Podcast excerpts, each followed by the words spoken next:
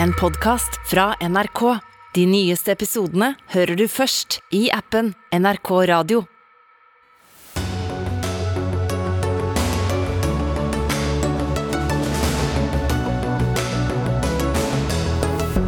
Høyre mener de er det beste partiet for et eh, trepartssamarbeid, fordi Arbeiderpartiet lytter altfor mye til LO.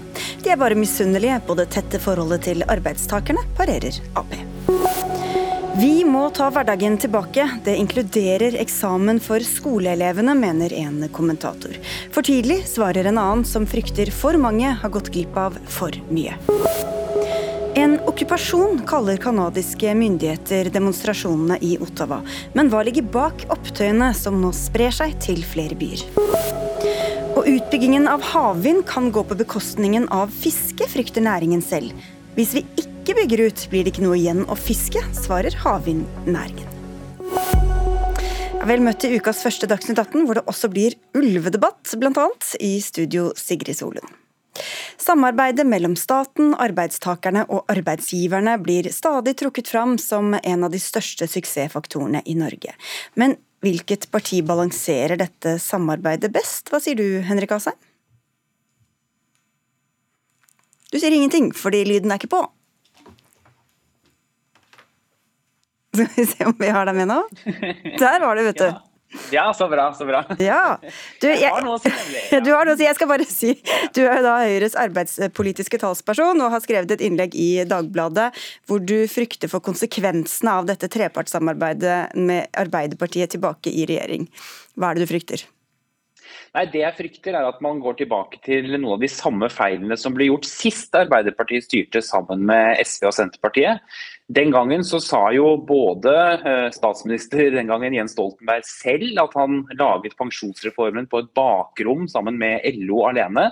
Uh, IS-lederen den gangen sa at det var et problem at regjeringen snakket for mye med den ene parten, og den parten var LO og ikke de andre hovedsammenslutningene. Og uh, Daværende NHO-direktør Kristin Skogen Lund bekreftet også dette, at de opplevde å komme inn i møter hvor det allerede egentlig var bestemt hva man skulle gjøre, fordi LO og Arbeiderpartiet hadde snakket sammen. Og Mitt poeng er at trepartssamarbeidet, som programlederen også sa helt riktig, er jo ekstremt viktig og vellykket. Men et trepartssamarbeid forutsetter at man snakker selvfølgelig både med arbeidstakere og arbeidsgivere, men også de ulike organisasjonene på begge de sidene. Tuve Moflag, du sitter i arbeids- og sosialkomiteen på Stortinget for Arbeiderpartiet. Hva sier du, er det Høyre som er den beste på trepartssamarbeid? Nei, jeg vil jo selvfølgelig si at det er Arbeiderpartiet. Trepartssamarbeidet har vært og kommer alltid til å være viktig for Arbeiderpartiet. Og vi snakker godt med både arbeidsgiversida og arbeidstakersida. Men at vi har et nært forhold til LO og arbeidstakerne, det er ikke noe hemmelighet. Og det kommer fortsatt til å være en viktig prioritert gruppe for oss i tida fremover. Du Henrik Asheim, denne debatten har vi hatt sikkert en million ganger. Hvorfor drar du dette opp igjen nå? Nei, for jeg tror Den debatten man har hatt en million ganger, det er jo at LO og Arbeiderpartiet samarbeider, og LO gir penger til Arbeiderpartiet og sånn. Og Det er en litt annen diskusjon enn den jeg prøver å løfte her. Fordi det er helt greit, altså LO og Arbeiderpartiet har et helt spesielt forhold. De sitter i hverandres sentralstyrer osv. Så sånn er det. Eh, det som er Utfordringen er jo når Arbeiderpartiet da havner i regjeringsposisjon. For da er det en litt annen situasjon når du også har arbeidsministeren. Skal du ta store beslutninger som angår selvfølgelig mange arbeidstakere som også er organisert i andre forbund enn LO, så bør de også ha den samme tilgangen til regjeringen og statsråden og beslutningene som det LO-medlemmene har. Og det andre er at det er veldig viktig for en regjering i regjeringsposisjon å også ha et godt samarbeid med arbeidsgiverne. og også bare De siste månedene har jo arbeidsgiverne opplevd at regjeringen har tatt beslutninger som ikke de har visst om, de har ikke vært tatt med på råd, og som har skapt ganske mye konflikt. Så, så jeg mener bare at skal man sitte i regjering og ha regjeringsansvaret, så bør alle organisasjonene og hovedsammenslutningene stille likt når man har dialogmøter og forhandlinger. Ta det første først her, da, Moflag. De andre arbeidstakerorganisasjonene, hvordan skal de unnlate å føle at de kanskje kommer litt i andre rekke i forhold til LO? Et av de grepene som Arbeiderpartiet har tatt nå, er at vi har faglig politisk ansvarlig i alle komiteer på Stortinget, i tillegg til at vi har en faglig politisk koordinator for hele stortingsgruppa. Og Det er folk hos oss som er tilgjengelige for alle hovedorganisasjonene. Vi snakker godt med mange forbund, også de som er utenfor LO. Jeg har hatt fire år i helsekomiteen sjøl. Jeg snakka nært og tett med både Sykepleierforbundet, Legeforeningen og Fagforbundet og andre forbund i LO. Det at vi har en felles historie med LO som vi er stolte av, er ikke til hinder for at vi også kan ha god dialog med de andre arbeidstakerorganisasjonene. Her opplever jeg at Høyre skaper et falsk narrativ, og at de prøver å mistenkeliggjøre LO og det samarbeidet de har med, de har med oss i Arbeiderpartiet. Og det er Norges største arbeidstakerorganisasjon. At de har sterk innflytelse på norsk politikk, det er positivt for norske arbeidstakere. Men da at arbeidsgiverne føler seg litt lite hørt, da, det er, det er jo ikke bare Henrik Asheim som sier? Eh, vi har hatt dialog med NHO, Virke, andre organisasjoner i flere saker i høst. Vi opplever at vi har statsråder som tar trepartssamarbeidet på alvor, og det skal vi love å gjøre fremover også. Asheim. Jeg må si at eh, Moflag sa at jeg på en måte kritiserte LO for dette. Det gjør jeg selvfølgelig ikke. LO gjør jobben sin. De skal jo forsøke å påvirke mest mulig på vegne av sine medlemmer. Men det er altså ikke bare sånn at jeg sitter inne på Høyres hus og tenker dette var en fin ting å si, dette kan jeg si. Dette er jo noe som YS-lederen uttalte sist dere satt i regjering. Det er noe som skapte stor frustrasjon da man forhandlet om lønnsstøtte den høsten som vi la bak oss, hvor man opplevde at regjeringen hadde en parallell forhandling med LO og så en annen forhandling med alle de andre partene. Det skaper problemer i trepartssamarbeidet. For trepartssamarbeidet handler om at de skal være likeverdige parter. Og det som er viktig med dette når man sitter i regjering, for en ting er at man lager partiprogram eller velger partiledelse og sånn, men når man sitter i regjering så skal jo disse tingene skje før man tar den endelige beslutningen. Og altfor ofte så melder jo nå både andre sammenslutninger, men også arbeidsgiversiden at de får beskjed om hva beslutningen er, fordi LO og regjeringen har snakket sammen. Jeg opplever ikke at pensjonsforliket for å gå tilbake til det, er noe som Høyre fikk beskjed om. Pensjonsforliket er noe som har brei støtte i Stortinget, og det ville jo være oppsiktsvekkende om noe så viktig for arbeidstakerne som pensjon ikke var forankra i fagbevegelsen, sånn som det var den gangen. Henrik Asheim skriver i sin kronikk i Dagbladet at de vil lytte til hele bredden av arbeidstakerorganisasjoner. Sannheten er at dere har kanskje lytta, men ikke hørt etter. Den regjeringa som Asheim representerte, har jo fått politiske streiker mot seg fordi man ikke har lytta til de ansatte. Ved å f.eks. stramme inn på arbeidsmiljøloven og gi en generell adgang til midlertidige ansettelser. Høyre har ikke lytta til de ansatte i offentlig sektor når man har gått på en avbyråkratiserings- og effektiviseringsreform som i realiteten er ostehøvelkutt. Høyre vil ikke lytte til de ansatte, men det vil Arbeiderpartiet. Det er vel en ganske sånn utbredt oppfatning Henrik Asheim, at Arbeiderpartiet lytter til LO og Høyre lytter til NHO?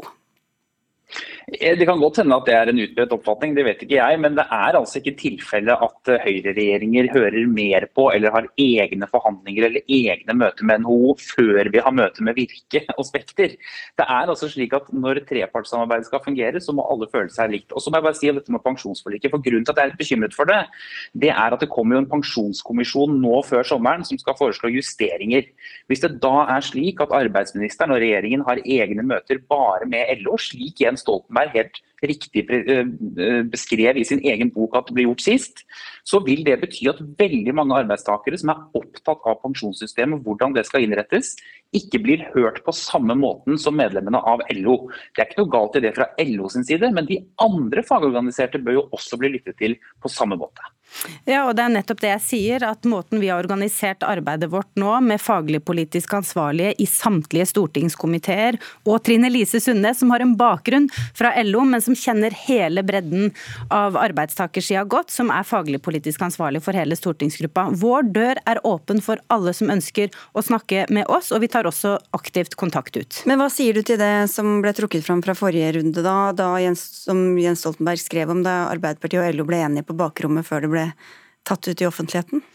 At Arbeiderpartiet og LO har en særlig og tett dialog, det er ikke noe som eh, er til å stikke under en stol. Det er godt kjent fra mange år tilbake.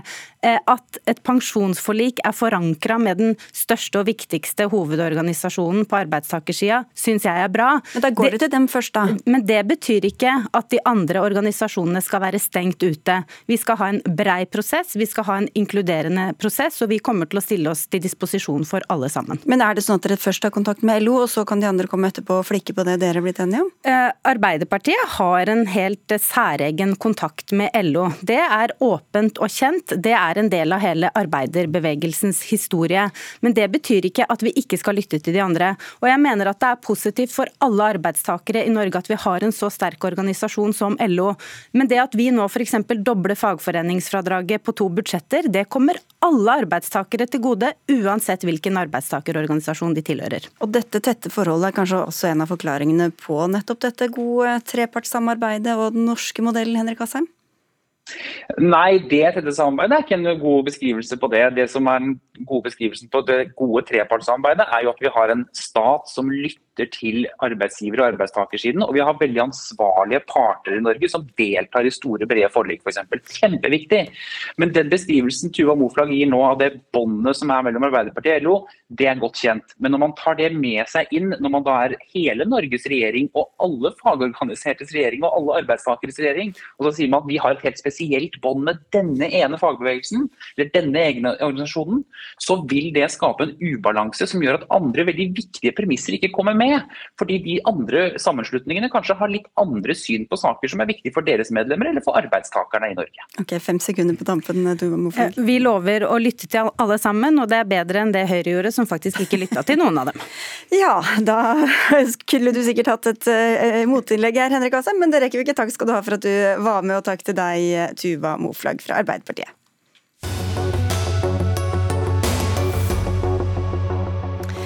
Konflikten spisser seg til mellom fiskerinæringen og de som vil bygge ut havvind.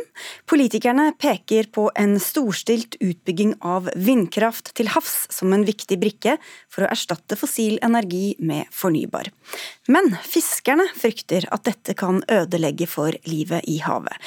Framtiden for fiskerne ved ikke ikke å bygge ut havvindkraft vil være langt dystrere, skriver du i Fiskeribladet Frank Emil Moen, marinbiolog og utviklingssjef i Norwegian Offshore Wind, som også er en næringsklynge i havvindkraftbransjen.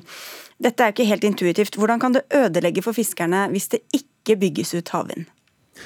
Vi er i en situasjon eh, hvor vi eh, vet at eh, vi har klimaendringer som påvirker livet i havet vesentlig.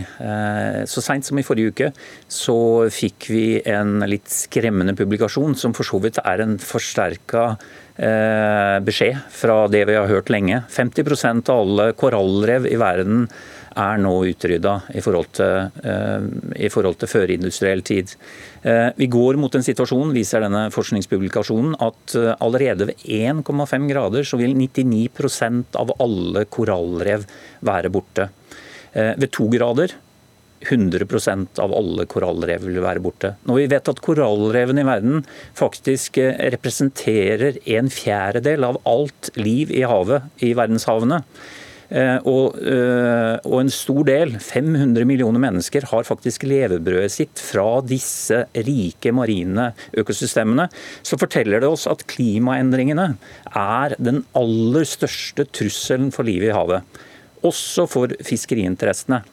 Eh, så Mitt poeng i, nevnte kronikk var å sette søkelys på at eh, vi som eh, ønsker å bygge mer fornybar energi for å løse klimautfordringene, vi er på lag med fiskerne. For fiskerne vil jo være tjent med at vi har et hav som har tilfang på rike fiskeriressurser også i framtida. Odd Kristian Dale, informasjonsleder i Fiskebåt som organiserer havfiskerne. Er dere ikke med på dette resonnementet? Eh, det er vanskelig å ta dette resonnementet skikkelig seriøst. Vi er selvsagt bekymra for tilstanden i havet på grunn av, eller som følge av klimaendringene.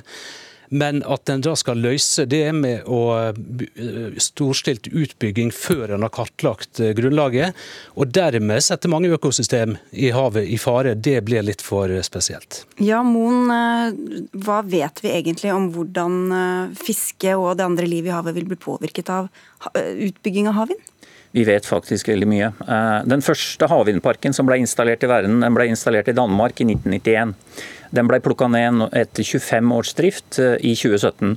Siden det så har vi installert 5566 havvindturbiner i Europa. Eh, og det er Europa som har vært fremst i utviklingen av havvind i, i verden. Knytta til alle disse prosjektene så har det vært både forstudier underveisstudier og etterstudier av påvirkninga på marint liv og på fiskeriene. Det er publisert mer enn 800 vitenskapelige publikasjoner. Og av disse 800 så er det 96 publikasjoner som tar rett og slett for seg eh, hvordan fisk blir påvirket av utbygging av havvindparker. Eh, og faktisk er det sånn, eh, og for å referere marinbiologkollega og forsker Thomas Dahlgren, så er det faktisk ingen av disse publikasjonene, disse vitenskapelige avhandlingene, som tilsier at havvindutbygging har en negativ effekt på fisken, altså på fiskeriressursene. Tvert imot så øker biodiversiteten i disse områdene hvor man bygger ut havvind, og det har en naturlig forklaring. Eh, forklaring. Eh, som marinbiolog så, så, er jeg godt kjent med hvordan eh, livet i havet og biodiversiteten øker når man får innført kunstige rev. og Det er det som skjer når man får havvindparker. Et, et poeng til. Nei, men, det må Dale få slippe til også. Ja, Det må jeg nesten få kommentere. Altså, vi, vi, forholder oss for det første til Havforskningsinstituttet, som er den fremste institusjonen her i landet på eh, disse spørsmålene. og Deres råd er helt krystallklart. Her er det for lite kunnskap, her må det mer kunnskap til. Og eh, Du har selvsagt et poeng at kunstige rev kan øke biodiversiteten i et lite område, men her er det også snakk om at en ikke vet konsekvensene på disse konkrete områdene. snakk om. F.eks. tobissen, som er en liten fisk som lever i, graver ned i sanden og lever hele livet sitt på sandplassen, som er en viktig nøkkelart. Hvis den f.eks. skulle forsvinne, så kan det få store konsekvenser. Vi kan ta torsk, vi kan ta sild, makrell. Eh, store fiskeslag som også er både kommersielt viktige, men biologisk viktige, som vi ikke vet konsekvensene av. Og Så langt vi vet, så er det ikke gjort noe fullverdig studium som er relevant for forholdene i Nordsjøen, Norskehavet eller Barentshavet. Men du bare, Dette skal jo etter hvert erstatte da, olje- og gassproduksjon. og Det er jo ganske store installasjoner som dere må forholde dere til i dag. Hva er den store forskjellen der? Nei, Forskjellen er i prinsippet ikke så veldig stor. Der har vi måttet forholde oss til det. og Uten å trekke den for langt, så kan vi da si at det er veldig lite torsk igjen i Nordsjøen. Eh, og Vi må da forholde oss til oljeinstallasjonene og rørgatene som går der. Eh, som selvsagt gir begrensninger, men det har vi funnet et eh, sameksistens på. og Det er det en må tenke framover. En må tenke nok, altså Hvis en tar Nordsjøen, så er det veldig mye som allerede er beslaglagt av olje og gass. Og Da må en tenke seg ekstra nøye om før en også begynner å legge ut nye områder til vindkraft. Og, jeg må få en mon her på det òg.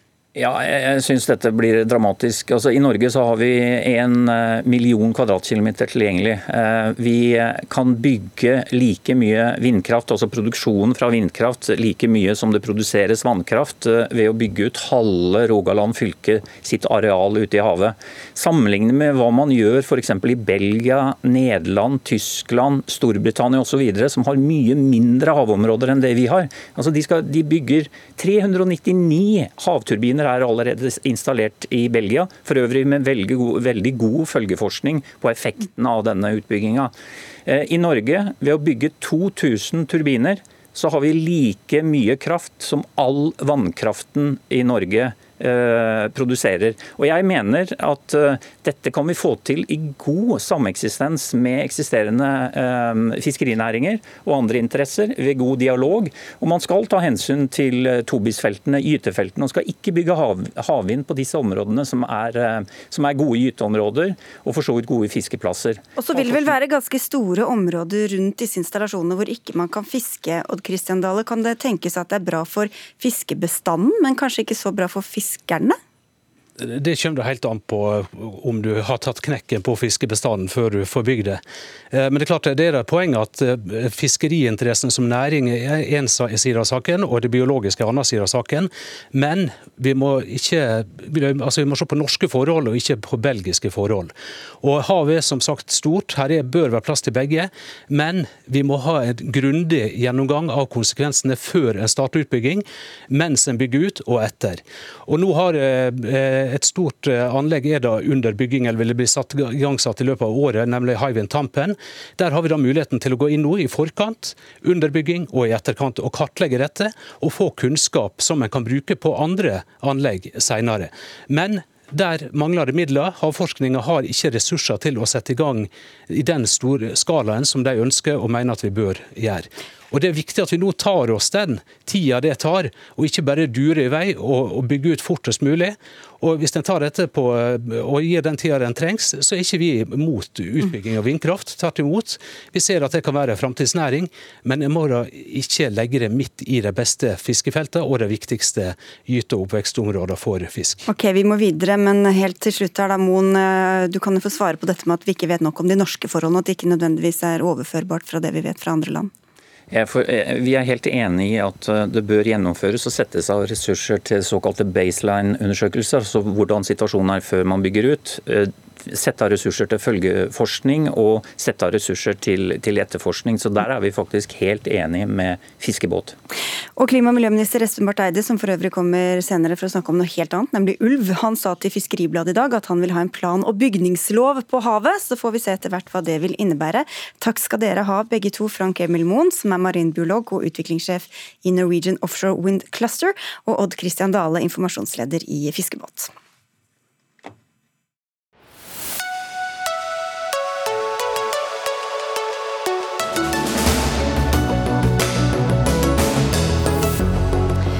Da skal vi til Moskva, der Frankrikes president Emmanuel Macron møtte den russiske presidenten Vladimir Putin i dag. Macron har sagt at formålet med besøket er å hindre militær konflikt i Ukraina. Flere medier omtaler møtet som et svært risikabelt diplomatisk trekk, og poengterer at det blir direkte pinlig dersom den franske presidenten flyr tomhendt hjem. Jan Espen Kruse, korrespondent i Moskva. Det offisielle pressekonferansen eh, finner ikke sted før senere i kveld, men er det lekket ut noe fra møtet allerede? Ja, Møtet det pågår i Kreml her i Moskva, og eh, russisk TV det viste et lite Eh, litt fra starten. og Da sa eh, president Macron at han håper at dette møtet skal være de første skrittene i retning av en mer dyptgripende dialog og i retning av avspenning. Så Den franske presidenten har ganske store forhåpninger til dette møtet her. Selv om president Putins talsmann på forhånd sa at forventningene ikke er veldig store, fordi dette er en så kompleks sak.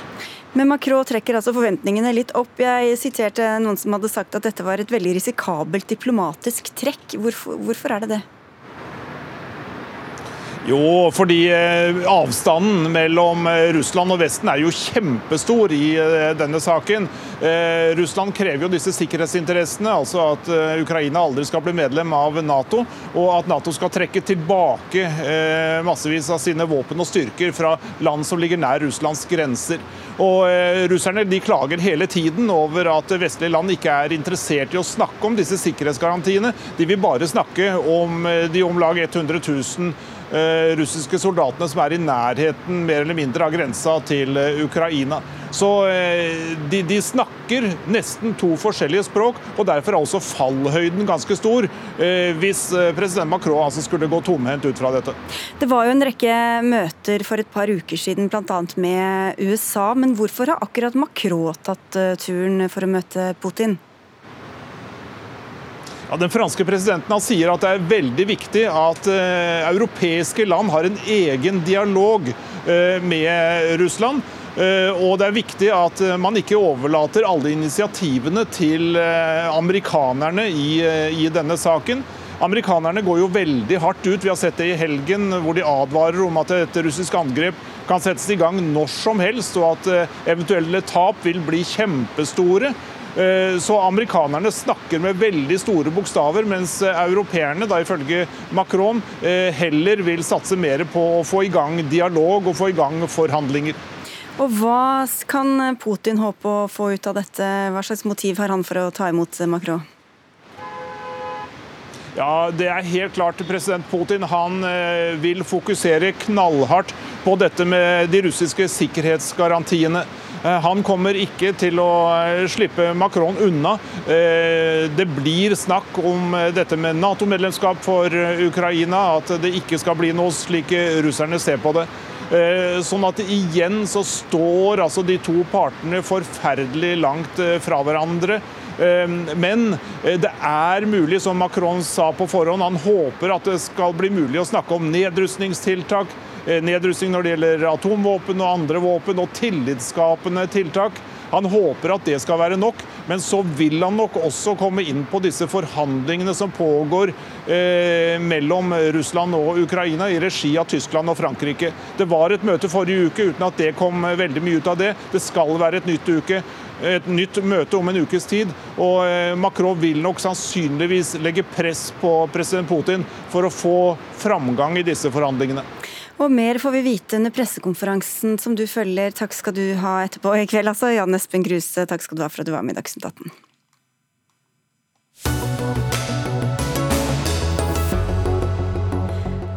Blir det eksamen i skolen, eller blir det ikke? Det grunner kunnskapsminister Tonje Brenna over i disse dager, men hun holder fortsatt kortene tett til brystet. Utdanningsdirektoratet har anbefalt at eksamen avlyses over hele linja, både på videregående skoler og i ungdomsskolen. Men du, Therese Solin har tatt til orde for eh, det motsatte i Aftenposten, der du er kommentator. Ta hverdagen tilbake, og da inkluderer det eksamen. Hvorfor det? Det er jo en del av det elevene pleier å ha når semesteret er over. Det er jo ikke vanlig at man bare har standpunktkarakterer. og det som er Litt av problemet er at for hvert år man driver og avlyser eksamen, så blir standpunktkarakterene mindre verdt. Og Alle har snakket under hele pandemien om at nå må vi ta hverdagen tilbake. Det er jeg helt enig i, og det inkluderer, som du nevner, eksamen. Heldigvis og dessverre. Hvorfor blir standpunktkarakterene mindre verdt? Eksamen har flere funksjoner. En av dem er å gi eleven selv en anledning til å vise hva han eller hun kan, uh, uavhengig av det, alt det som kan påvirke standpunktkarakteren. Trynefaktor, sjenanse, mobbing uh, osv.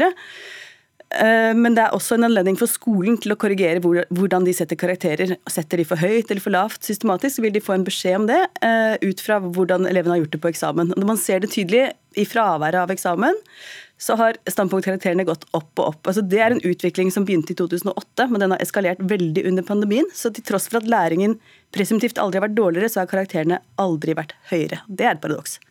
Hilde Sandvik, du er programleder for podkasten 'Norsken, svensken og dansken', og du er jo også mor til en eh, tenåring. Du er ikke helt på Aftenpostens linje på dette spørsmålet. Hvorfor ikke? Tittelen til Therese Solin kunne jeg jo ikke vært mer enig i. Men eh, jeg eh, er altså som mor ganske bekymra både for denne generasjonen. Eh, og jeg tenker at skal en ta hverdagen tilbake, så burde veldig mye mer av den konteksten som den hverdagen har vært i, vært til stede. Jeg har fulgt to elever. Den ene slutta på videregående i fjor, hadde bare ett år med pandemi. Jeg har ei som har hatt to år med pandemi og videregående skole. Jeg ser hva type belastning de er i. Jeg ser òg med bekymring på det læringsutbyttet som, som, de har hatt disse to åra. Eh, og jeg tenker jeg har eh, ikke Altså rent faglig, teoretisk, så er jeg helt sikkert enig med Therese Solien, men det ligger ganske langt ifra den hverdagen som mange av disse elevene opplever. Jeg er bekymra, eh, og her snakker jeg altså som mor. Mm. Skjønner du at dette kan se litt annerledes ut for 16-åringer eller 19-åringer, eller mor eller far til en 16-åring eller 19-åring, Therese Solin. Ja, eh, jeg har stor sympati med det argumentet, eh, men det jeg vil si, da, er at med det kan være, virke urettferdig å si til en som er født i 2003, som er årets russekull, at nå skal du ha eksamen, til tross for at du legger bak deg to og et halvt år med annerledes skole. Men så kan man da spørre en som er født i 2004, altså neste års russekull, hvor gøy det blir å bli den første på fire år som skal ta eksamen og ha eksamenskarakter på vitnemålet sitt. Når tre kull forut for deg har kunstig gode karakterer når dere skal konkurrere om de samme plassene på høyere utdannelse. Altså det er snakk om at det er gått opp inntakskravene med flere desimaler på mange retninger. Det er jo en, et problem som man ikke kan fortsette å skyve for seg, foran seg det uendelige. Og det jeg vil også vil legge til, når man nå sier at man må bruke tiden fremover på å tette kunnskapshull istedenfor læring, så setter man opp en slags dikotomi mellom eksamensforberedelse og læring. Men eksamensforberedelse er jo nettopp læring, og hvis noen tror at man da skal liksom bruke tiden så godt, så kan, fikk vi egentlig fasiten på det i fjor. For det samme argumentet ble fremført i fjor for å avlyse eksamen. At man skulle tette kunnskapshullene. Men fasiten ble at man avsluttet undervisningen tidligere enn vanlig, fordi man mente nå har lærerne nok, eh, nok innhold til å sette en karakter. Sandvik? Ja, altså jeg, jeg, følger Therese i mange av argumentene og, og måten hun tenker på. Eh, men jeg tenker her altså en er nødt til i mye større grad å ta inn over seg hva denne generasjonen faktisk har levd med.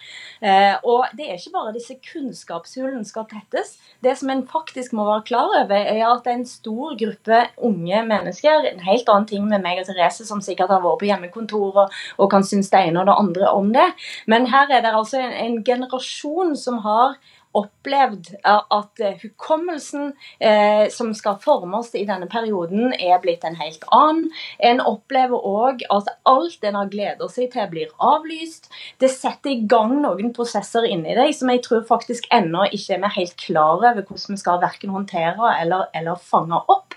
Eh, og, og for at det skal på, tas alvorlig, så tenker jeg at eksamen er en bitte liten del av dette. Og det kan godt være at en eksamen fra, fra og til ikke ville ha gjort så veldig stort uh, vesen av seg. Jeg kjenner ikke igjen helt uh, denne tanken om at det er blitt lettere for de som går på skole nå. Uh, men jeg tenker at her er en nødt til på mange nivå å gå gjennom hva konsekvenser nedlukkingen har hatt for denne mm. spesifikke gruppa. For Hvis du frykter hvordan dette vil slå ut eh, på sikt eh, også, Therese Solin, er, er det denne gjengen som på en måte skal bære det loddet da, for å forhindre den urettferdigheten som kan komme? Nei, det er det ikke. Men her er det to ting. Det ene er at eksamen korrigerer også for eh, enkeltindividet. Det er ikke en straff. For eh, Hvis man ser på f.eks standpunktkarakter og tenker at det er forferdelig rettferdig, for de blir vurdert på så mange flere parametere enn en eksamen, så er, er, det ikke riktig at det er så rettferdig det heller. På standpunktkarakterene i f.eks. engelsk og matematikk får jenter systematisk bedre karakterer enn gutter. Det er det motsatte utfallet. På nasjonale prøver og eksamen der gjør guttene det bedre enn jenter. slik at Det er også et korrektiv for, for, for altså Kjønnsdimensjonen her må man ikke glemme helt. Og det andre er også at for halvparten av landets elever omtrent så er ikke vitnemålet fra videregående et punktum, men det er en slags begynnelse. De skal videre til høyere utdannelse. Vi risikerer da å ha flere kull som aldri har tatt en eksamen eh, og ikke har noen trening i det. Det kommer til å bli krevende når de kommer på universitetet. Ja, Du må ikke se på det som en straff, Hilde Sandvik?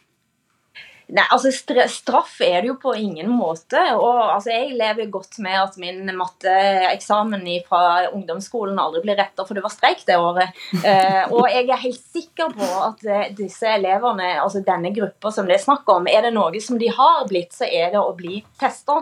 Jeg tenker at denne spesifikke eksamensopplevelsen eh, eller erfaringen, det skal de jammen meg komme til å ha. De har vært oppe til eksamen hver bidige dag, og de har òg til dels vært oppe til eksamen hver bidige dag med, med, lærere som heller ikke håndterer denne situasjonen veldig godt. Så før vi begynner å diskutere om, om eksamen i år skal fungere eller ikke fungere, så tenker jeg at en er nødt til å ta en runde og se på hva konsekvens, altså hva konsekvens har dette læringsutbyttet hatt for de kullene som nå har opplevd eh, korona. Og noen har jo hatt eh, veldig dårlig undervisning, og andre har hatt det kjempebra. og Noen har vært veldig hardt rammet av sykdom, og andre ikke har det. Så hvor rettferdig er det å ha eksamen akkurat i år da, Therese Solin?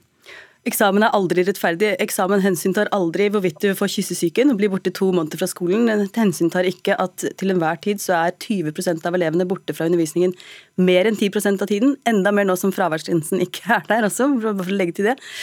Eh, så det er aldri rettferdig, men det er likevel det eneste korrektivet vi har. Det er den eneste måten å forsikre at karakterene som blir satt, fungerer omtrent på samme måte over hele landet. Så det, det er eh, viktig at vi ikke fortsetter den unntakstilstanden lenger enn nødvendig. Og det har ikke vært så store forskjeller på hvor mye hjemmeskole de har hatt heller. og for den saks skyld. Til enhver tid, også i normaltilstand, har noen veldig gode lærere, mens andre har dårligere lærere. Det er ikke et perfekt system. Verden er urettferdig, Hilde Sandvik det er altså, den eneste gangen jeg har faktisk sagt på radio, den eneste gangen jeg bruker et begrep som urettferdig. I tillegg til at de har hatt dårligere læringsutbytte helt eh, konsekvent, så har de òg eh, hatt f.eks. Altså nedstenging med isolasjon eller med, med nærkontakt, eh, karantener. Altså Dette fraværet har vært ganske stort for veldig veldig mange av disse elevene. Og klart at En kan òg bruke denne situasjonen til å diskutere om hvorvidt eksamen på videregående i det hele tatt er noe en skal ha Det åpna jo Therese Solien sjøl for i en kommentar eh, nå eh, i dag eller i går. Eh, og det syns jeg òg er en interessant diskusjon. Er, det, er, faktisk, er, denne typen eksamen veien å gå framover? Kanskje til og med koronatiden skal finne ut at altså, en avvikler denne eksamensformen. Det er et større spørsmål. Nå får vi høre første rekke hvem av dere som eh, Tonje Brenna lytter til. Det kommer vel en avgjørelse ganske snart. Takk skal dere ha begge to. Therese Solin, kommentator i Aftenposten, og Hilde Sandvik, som er programleder for podkasten og radioprogrammet Norsken, svensken og dansken, blant annet.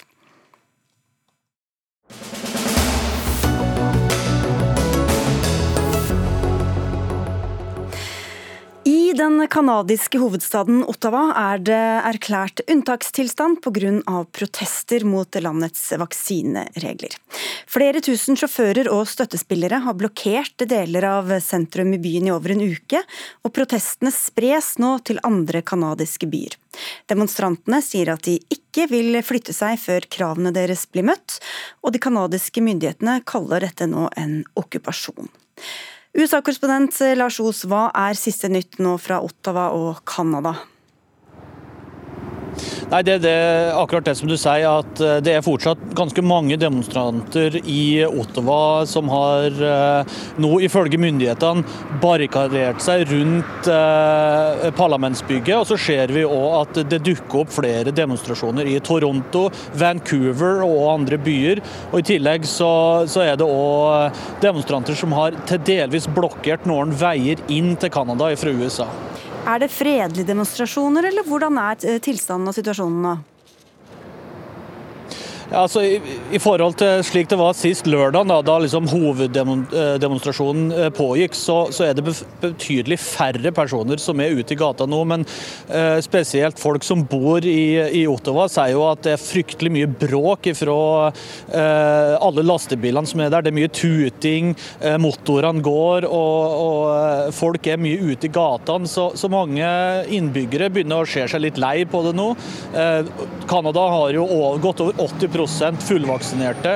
Eh, lastebilsjåførenes eh, eh, Flere av lastebilsjåførene sine organisasjoner sier det at over, godt over 90% som er vaksinert. Så de som demonstrerer nå, er jo i, i stort mindretall. Mm, og Hvor lenge er det planlagt at disse demonstrasjonene skal holde på? Nei, De skulle jo egentlig holde på til forrige eh, lørdag, men nå ser det ut som at de som er igjen, liksom de, de, siste som virkelig vil holde stand, de sier nå at de vil ikke flytte seg før Justin Trudeau og resten av eh, regjeringa og myndighetene i Canada fjerner alle koronarestriksjoner i landet. Takk til deg, Lars Os. Vi går til deg, Gunhild Hogensen Gjørv. Du er professor innen sikkerhetsstudier ved Universitetet i Tromsø, og forsker bl.a. på altså opprør og reaksjoner opp mot koronarestriksjoner knyttet til sammensatte trusler og totalforsvaret. Og du har også en bakgrunn fra Canada, for å ta med det. Vi ser jo gjerne for oss Canada som et fredelig land likt Norge. Hvor, hvorfor skjer det akkurat dette der nå? Jo, jeg tror det er fortsatt ganske fredelig der. Men uh, det her skjer selvfølgelig fordi at uh, den canadiske regjeringen har innført en uh, nye reglement hvor de mente at frakt fra USA, eller dem som krysser grenser mellom Canada og USA, sjåførene må være vaksinert. Og um, som ble sagt nylig, var at uh, de fleste canadiske sjåførene er faktisk vaksinert. Og så det har ikke egentlig en problemstilling. Det er færre fra USA som er vaksinert, og det er dem også må kjøre over uh, grensen. Så det, det her har startet med en reaksjon blant få det her er ikke flertallet, dem som er lastebilsjåfører, men blant de få som eh, mener at de trenger å være vaksinert. og De kaller det her for det som er freedom colony, altså koloni og sånn. Så de er veldig imot, imot regjeringen, egentlig. Ja, hva, Hvorfor det? Jo, ja, de, de her få som er uh, ikke vaksinert og ønsker å ikke bli vaksinert, selvfølgelig er en del av den der som antivaks-kampanje hvor de mener at det er som et frihetsspørsmål å bli tvangsvaksinert, det er ikke rettferdig og går imot sin helse osv. Men da har jeg også en, en, del av en større som desinformasjonskampanje som vi har sett i flere land. Det her handler ikke bare om Canada, men det handler om mange flere land. hvor det er informasjon rundt vaksine hvor folk tror at det er farlig eller et problem. Og, så, og de tror at med å vise motstand på en eller annen måte, de eh, er, er kjemper for uh, frihet. Og det er en type politisk uh, påstand som de prøver å fremme akkurat nå. Og de har jo fått støtte bl.a. fra Donald Trump, men hvor stor støtte har demonstrantene i befolkningen ellers i Canada? Nei, det ser ikke ut at det er mye støtte fra det canadiske befolkningen. Uh, flertallet i Canada har støttet de tiltakene den canadiske regjeringen har tatt i, det hele koronapandemien. Um, faktisk pga. det, han eh, Justin Trudeau, det kanskje var en liten feil han tok for noen måneder tilbake, for han tenkte at han fikk så mye støtte at han kunne kalle til et nytt valg, faktisk tidligere enn det som er vanlig i Canada. Og det ikke, gikk ikke særlig hans vei, så han fikk igjen da en minoritetsregjering. Men um, flertallet canadiere egentlig eh, har støttet alle de her vaksinetiltak, og har ikke noe problem med akkurat det her tiltak, fordi det, det følger bare sammen med, med det som er blitt gjort i Canada så langt. Hva gjør myndighetene nå, da? Jo, akkurat nå at uh, Ja, det, det, er lite som en uh, press at de skal gå i dialog. De vil ikke vise at de har motstandere og protestere har, har noe for seg. Så um, han, Justin Trudeau har så langt, så, så vidt som jeg vet, har ikke sagt at han skal komme i møte med dem eller begynne å diskutere det her med dem. Men um, sikkert må de gå i en viss dialog, bare for å sette sette, sette, informasjon riktig, på en måte. Fordi det er ikke bare Canada som har gjort det. USA har gjort akkurat det samme. Så det her er et tiltak som er et bilateralt tiltak. Og kanskje hvis en begynner å tenke bilateralt, og med en Biden-regjering også, at de kunne komme til en enighet der. Takk skal du ha, professor Gunhild Hoggensen Gjørv.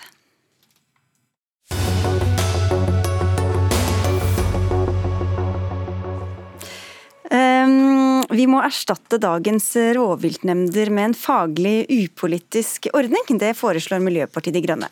Årets ulvejakt er midlertidig stanset av Oslo tingrett, men avgjørelsen er anket.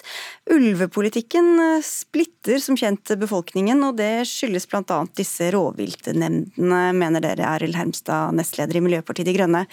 Før du skal få forklare det, bare forklar hva disse nemndene egentlig gjør. Nei, de jo, eh, Det finnes åtte rovviltnemnder i Norge, og de skal jo forvalte eh, rovdyrene i de ulike områdene. Eh, og de skal i prinsippet forholde seg til det som er den norske politikken, og det som Stortinget har vedtatt, og de internasjonale forpliktelsene vi har. Men det vi ser er jo at de veldig ofte blir en arena for politiske omkamper, hvor alle partiene inntar sine primærstandpunkter, og det i hovedsak forsterker et inntrykk av at det å dempe konfliktene rundt eh, rovdyrforvaltningen, det gjør man best med å skyte ned flest mulig rovdyr. Ja, for De består altså av politikere, som, men det er ikke de som har siste ord i saken, det er det regjeringen som har? Det stemmer. Og hvorfor, hva, hva hadde det hatt å si hvis man erstattet dem med fagfolk, og hvilke fagfolk skulle det egentlig ha vært?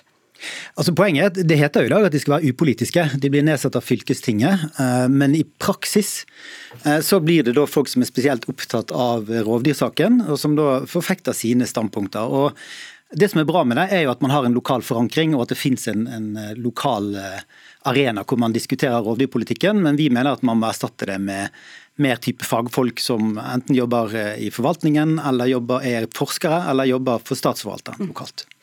Klima- og miljøminister Espen Barth Eide, en upolitisk gjeng med politikere. Hvorfor skal de ha så stor innvirkning på rovdyrpolitikken? Jeg er helt uenig i det Hermstad og MDG sier her. Jeg mener at dette er en god ordning. Og så vil jeg minne om at eh, det er et faglig sekretariat som, eh, som ligger hos eh, statsforvalter, som forbereder sakene. Og det er en kobling mellom det som gjøres i nemndene og det Miljødirektoratet gjør.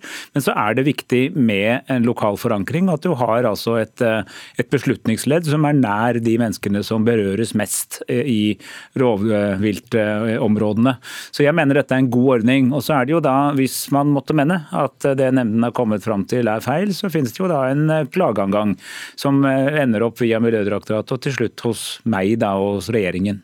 Men det er altså fire av åtte nemnder som ledes av en fra Senterpartiet, tre fra Høyre og en fra Fremskrittspartiet. Hva gjør det med avgjørelsene men, kommer fram Men unnskyld, dette er jo da produkter av lokale vedtak. Det kan jo ikke, altså for det første ser jeg ikke at det er noe spesielt galt med det, men dessuten så er jo dette da det, de man har valgt i de lokale organene. Jo, men de, de forvalter jo rovdyrpolitikken på vegne av hele landet. Men de forvalter rovdyrpolitikken på vegne av landet i sin region, og må ta hensyn til de overordnede føringene som ligger fra Stortinget, og det vedtakene kan påklages.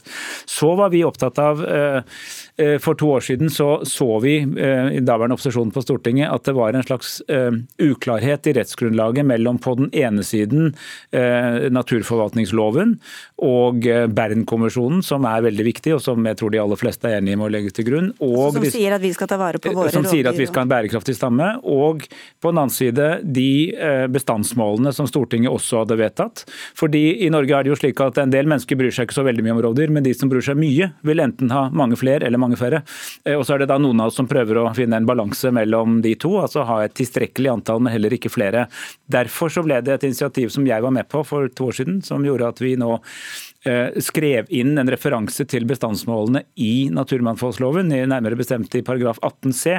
Og Det er den som vi nå tester for uh, rettsvesenet. For vi mener at uh, tingretten i denne dommen som, eller denne utsettelsen som nylig ble vedtatt, ikke la tilstrekkelig vekt på. Stortinget faktisk har tydeliggjort at disse tingene må se i sammenheng. og Det er en veldig viktig okay. prosess. Men, men Hermstad, dere vil altså ta makt fra de folkevalgte og over til byråkrater, eller hvor demokratisk er det? Altså, poenget er vel egentlig at eh, sånn som Espen Barth Eide også beskriver her, så har jo ikke de folkevalgte så mye makt som det ser ut til. Så dette er jo til dels en skinnprosess.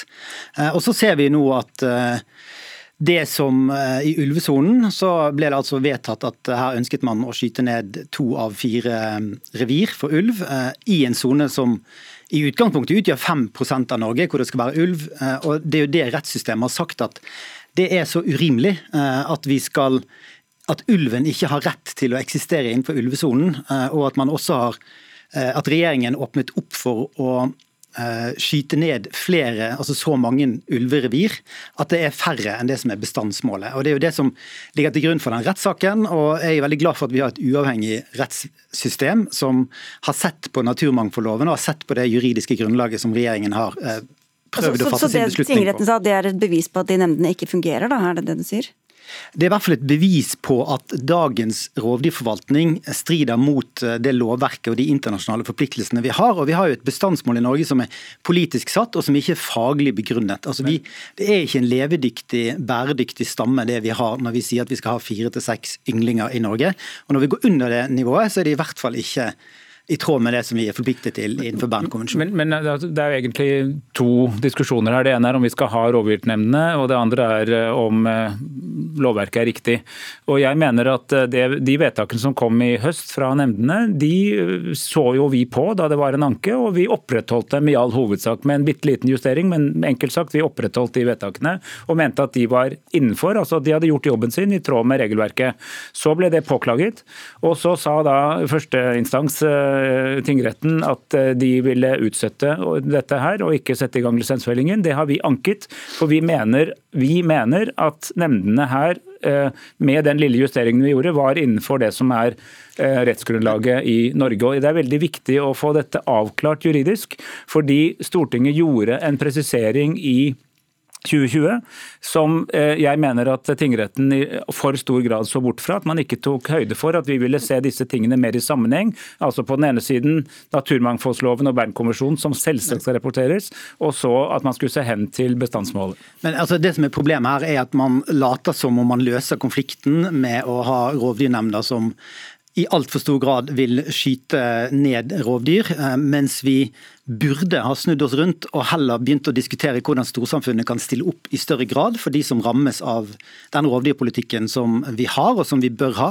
Og så er jo Det store internasjonale bakteppet er jo at en av de virkelig store krisene vi står overfor, det er tap av natur og det er tap av biologisk mangfold. Og Da er det jo veldig spesielt at Espen Barth Eide og regjeringen vil anke en dom for å få lov til å skyte okay, ned en kritisk litt mer om disse nemndene. Eh, Barth Eide, hvis du ser på sammensetningen i de nemndene, hvor godt representerer de egentlig det norske folks syn på hvor mange rovdyr man ønsker? Ja, Det representerer jo i hvert fall eh, synet til de organene som velger dem. da. For dette er jo demokratisk valgte uh, nemnder som er blitt til i en jo, lokal politisk forhandling. Men igjen, de skal jo forvalte det på vegne av hele landet. Men, men fordi vi har noen overordnede føringer på det, så får de altså sitt faglige sekretariat ligger hos statsforvalter, altså tidligere, tidligere fylkesmennene, eh, og med innspill fra Miljødirektoratet. Så her er det liksom både fag og eh, en lokal politisk beslutning.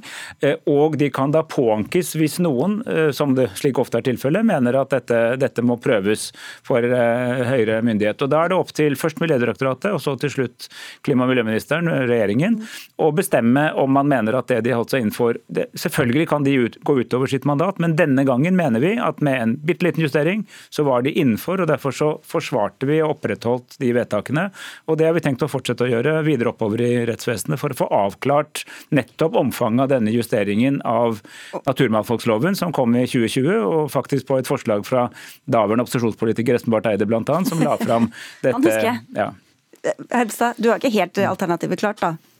Nei, men Vi mener at eh, formålet må endres, sånn at det blir helt tydelig at eh, det man skal gjøre er å dempe konflikter, og det at man skal ta vare på eh, naturmangfoldloven og ta vare på de bestandsmålene vi har, og at vi trenger en mer moderne forvaltning som møter de store truslene som naturen vår står overfor. Det, for konflikten er ikke helt borte nei, med altså, disse nevnene, det altså, kan vi være enige om. Med, jeg har altså stor respekt for uh, Heimstads syn, men jeg tror ikke det er nødvendigvis sånn at MDG har monopol på hvordan man ville få ned konfliktnivået rundt ulvesaken. For er det sterke meninger på begge sider.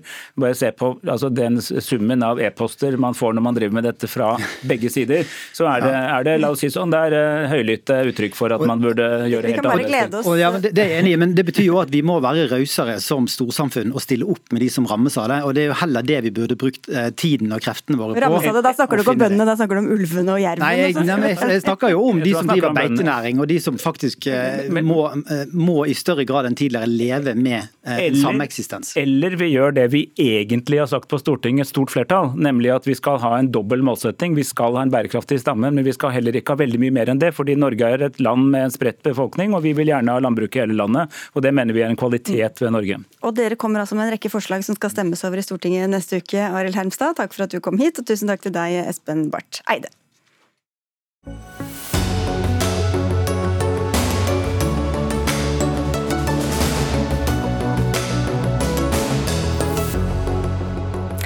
I går ble den samiske nasjonaldagen feiret mange steder i landet. Blant annet var det en stor markering i Tromsø og på rådhuset i Oslo.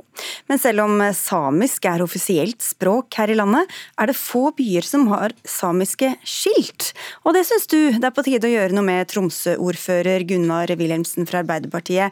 Du utfordret særlig Oslo til dette gjennom VG i går. Hvorfor er det viktig med samisk skilting i hovedstaden? Nei, altså i uh, hovedstaden også. Det som er, det er at det er flere plasser i Norge at det bor veldig mange samer.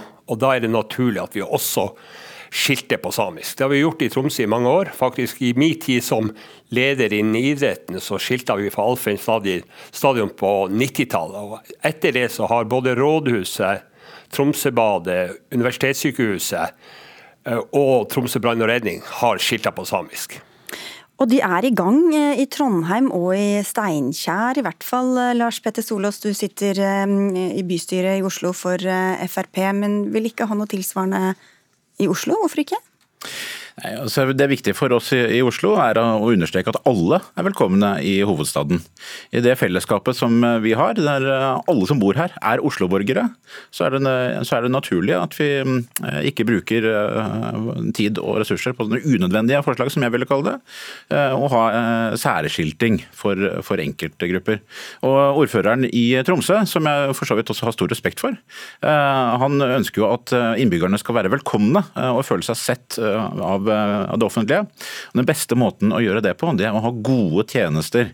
Sørge for at det er skole- og barnehageplasser på, når de trenger det.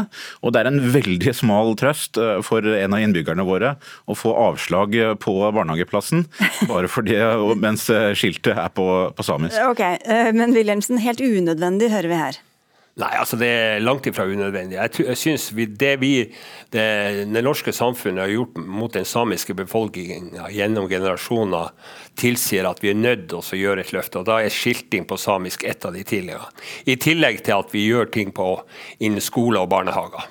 Så Det skulle bare mangle at vi skulle I forhold til det vi har holdt på med i generasjoner på fornorskningsbiten, er kanskje en skam. og Det mente også kongen for en tid tilbake. Ja, Vi skal ta historien vår på, på, alvor og formidle den, og det gjør vi også i dag. Eh, nå nevnte jeg for så vidt også barnehager. Jeg vil påpeke det at her i Oslo så har vi allerede en samisk barnehage som er kommunal, som eh, Oslo kommune sørger for. Og, og til eh, Tromsø-ordførerens informasjon så er skiltene på den barnehagen allerede på samisk. Men ellers da, altså det er jo sånn at samisk er et offisielt eh, språk i Norge. Det bor er det 1150 eller noe sånt nå i samer i stemmeberettigede samer i i Oslo. Hvorfor ikke vise den gesten der og, og ta dem på alvor gjennom også å ha skilting på samisk? Samer som bor i Oslo er på lik linje med meg Oslo-borgere. Og Det er det fellesskapet som vi i Oslo kommune og bystyret skal sørge for å opprettholde. Eh, og sørge for at de, også, de innbyggerne som er, er, eh, samiske eller har samisk opphav, blir sett på lik linje med alle for øvrig. Det er eh, hovedfokuset for, for oss i Fremskrittspartiet. Og det, det, det, virker som også det er det som er for resten av politikerne i Oslo. For som, Oslo, som Tromsø-ordføreren også selv påpeker, det bor jo faktisk flere samer i Oslo enn i Tromsø. Og hvis Oslo er så lite velkomne og, og ser dem så dårlig, dårlig, så er jo det et merkelig paradoks. Wilhelmsen? Nei, altså Det som er situasjonen, det, det Frp har gjort når det gjelder den samiske befolkninga i Norge, er jo mer eller mindre en skam. Siv Jensen sa i 2012 noe sånn som at eh, Sametinget burde bli et museum. og Per Sandberg mente at vi skulle gjøre om Sametinget til et hotell. Sånn at Rekkefølgen av eh, Frp sin politikk når det gjelder den samiske befolkning, tåler ikke dagens lys. Ja, nå kom ikke jeg hit for å, å, diskutere den type politikk, det skal, vi, skal, andre få lov til å løfte. Men når vi nevner, eh, hvis vi skal snakke om historie, så er det jo flere partier som har verre svin på skogen enn Fremskrittspartiet overfor urbefolkningen i landet, deriblant Arbeiderpartiet. Men i nyere historie så vil jeg påpeke at Fremskrittspartiet bl.a. Eh, sto i bresjen for å få den eh, nå etter hvert kjente sjamantrommen tilbake til Norge, da mine partikolleger på Stortinget tok opp det med Danmark senest i november i, i Nordisk råd. Og, og, Det har vi fått til. Så eh, Fremskrittspartiet tar samisk kultur og historie på det største alvor. Og jeg vil at alle som er samer, både i Oslo og andre steder i landet, skal føle seg stolte over den eh, kulturarven som de eh, forvalter. Men for Gunnar Wilhelmsen, altså det som blir sagt fra Solås her, at alle skal føle seg velkomne. Så hvorfor skal man liksom peke ut, single ut én gruppe, og så skilte med tanke på alle de forskjellige språkene man snakker både i Oslo og i mange andre byer rundt omkring i Norge? Nei, Tromsø det er en internasjonal by. Vi har 140 nasjonaliteter som bor her. Det at vi eh, velger å skilte på samisk, det er at samisk er et offisielt språk i Norge. Det har en historie som gjør at vi må reversere fornorskinga, og det kan vi gjøre gjennom disse typer tiltak. Så Det er den store forskjellen. Derfor mener jeg at det er viktig, og kommunen har ment det over lang tid. Og som du sier, Trondheim er i gang. Og jeg mener også Oslo må ta sitt ansvar. Det er ikke det at de må skilte på alle offentlige bygninger, men at de kan gjøre det på en del sentrale bygninger som en element i forhold til å reversere fornorskinga som vi sto for det norske samfunnet for gjennom generasjoner. Og det er vel ikke sånn at noen føler seg mindre velkommen fordi om det står noe skilt på samisk, eh, Solås? Eh, tvert imot, det er vel heller ingen som føler seg mer velkomne bare fordi, eller noe mindre velkomne fordi de ikke står på sitt eh, språk. Og det er jo Programlederen peker på noe veldig viktig også. Eh, vi har jo flere offisielle språk i Norge. Kvensk, romanse og romani. I tillegg så har vi jo flere samiske skriftspråk som også har lik status. Så spørsmålet her er hvor skal vi starte og hvor skal vi stoppe.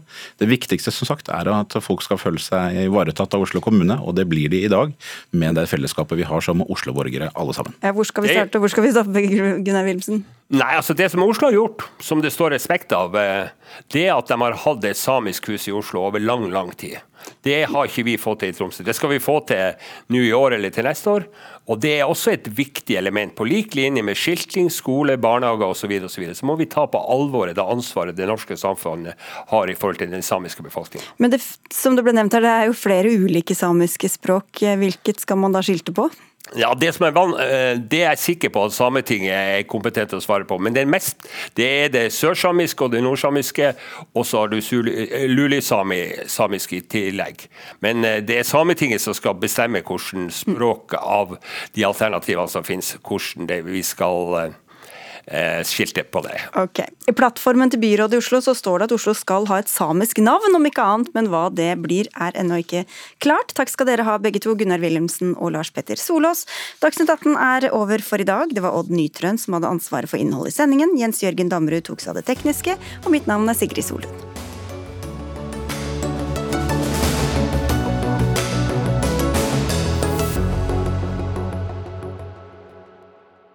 Du har hørt en podkast fra NRK.